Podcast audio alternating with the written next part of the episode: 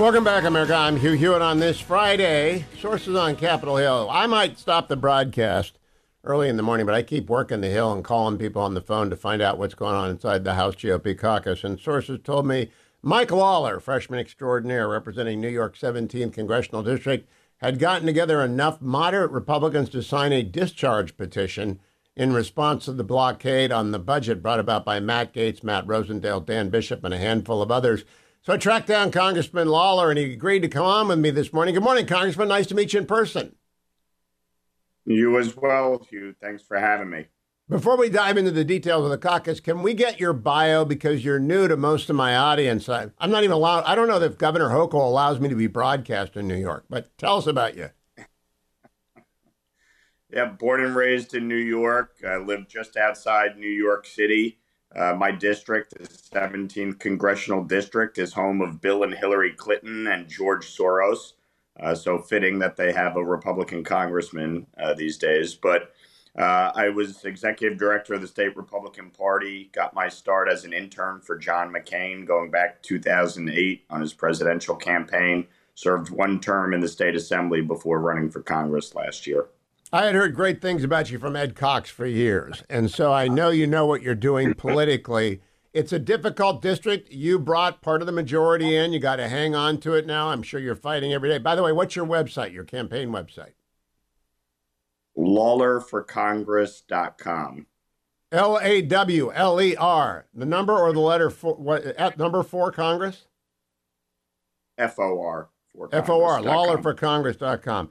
Okay, Congressman, what is going on? I, I, everybody knows about Matt Gaetz, Matt Rosendale, and Dan Bishop who listen to this show. They're the knucklehead caucus, and they're stopping everything. What is your response? Well, I think obviously uh, I understand their concerns about spending. It's part of the reason I ran for Congress. Uh, you know, I voted against New York's disastrous budgets as a member of the state legislature. We absolutely need to rein in spending but we only control one half of one third of the government. And when you don't control the Senate and you don't control the White House, there's a reality that we have to deal with. We still have to govern. Uh, the American people did elect us to serve as a check and balance on the Biden agenda, the five trillion in new spending, uh, and we want to rein that in. But we can't rein that in if we can't pass legislation through the House. Uh, and every day that passes, we are giving Chuck Schumer and Joe Biden a stronger hand. This is a disastrous economy. Obviously, the southern border is a complete mess. Uh, we're feeling the impacts of that in New York. And Chuck Schumer has a real crisis. And so Kevin McCarthy uh, brought to the conference, uh, with the help of Byron Donalds and Chip Roy and Scott Perry and Dusty Johnson, Stephanie Bice, uh, and Kelly Armstrong, a conservative CR that would extend government funding for 30 days while reducing it by 8% and pass HR 2 again uh, and, and move it over to the Senate so that we could negotiate on something to actually attack the border uh, while reducing spending. These folks said no, they refused because in some bizarro land that they live in, uh, no, we don't need to fund the government in the short term. We can shut it down, and and that'll strengthen our hand, even though uh, we only control you know one half of one third. So it really makes no sense. Um, they now are demanding that we uh, pass four appropriations bills at once, uh, and then maybe uh, start handling a few others, and then maybe handle a few others after that, and then maybe they would consider a CR. Uh, I didn't come here to shut the government down or play stupid games so we could raise, you know, five dollar donations uh, by claiming we're doing something and sticking it to the administration. When in fact, all they would be doing is screwing the American people. Uh, you're not saving money in a shutdown. In fact, it's going to cost more money in a shutdown.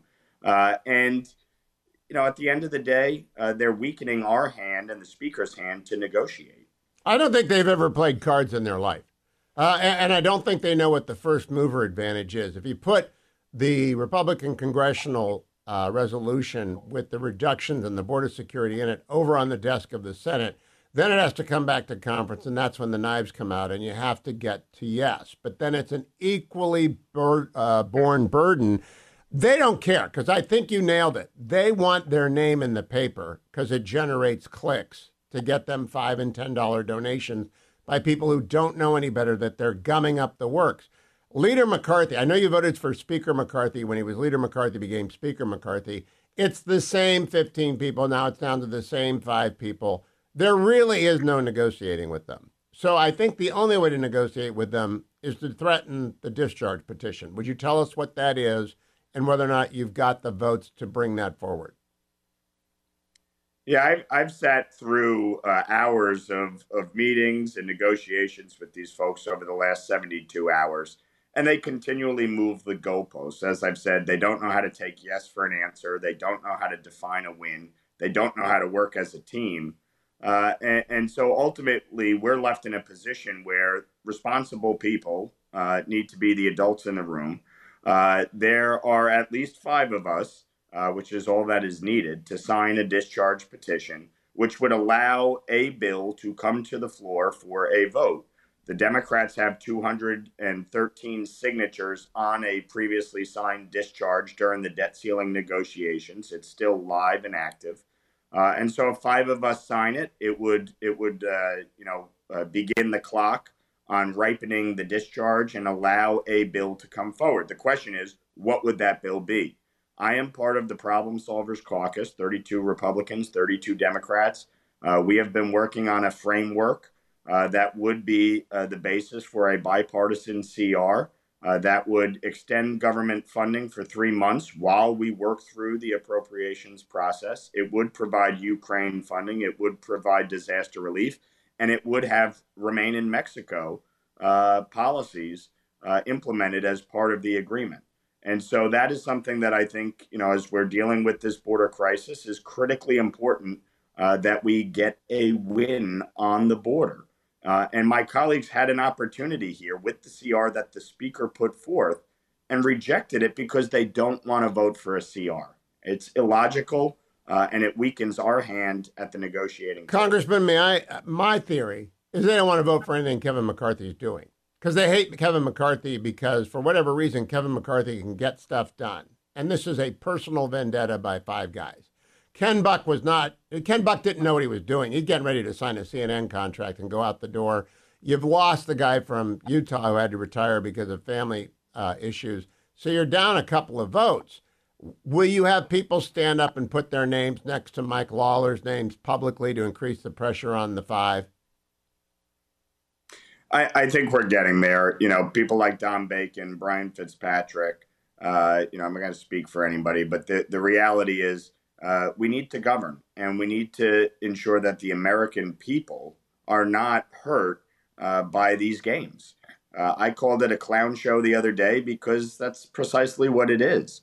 Uh, they get, the American people gave us the opportunity to be in the majority to get things done. You can't get things done if you can't work as a conference and as a team uh, to pass legislation. And if these folks are unwilling to compromise within the conference before we even get to the Democrats, uh, if they're unwilling to compromise within the conference, all because they don't like Kevin McCarthy, uh, it's a joke. And I think it's time for all of my colleagues uh, within the conference to really push back uh, on these folks and expose them for the hypocrisy uh, and the absurdity of what they're doing because they're not helping the American people. They're not advancing. Congressman Lawler, I gotta you gotta clue me in on what the dynamic in the room is because Matt Rosendale and Dan Bishop want to run for statewide office. They're dead, dead on arrival now. There is no way they're going to win because there are too many center right Republicans, conservative Republicans who believe in winning incrementally and going mile by mile.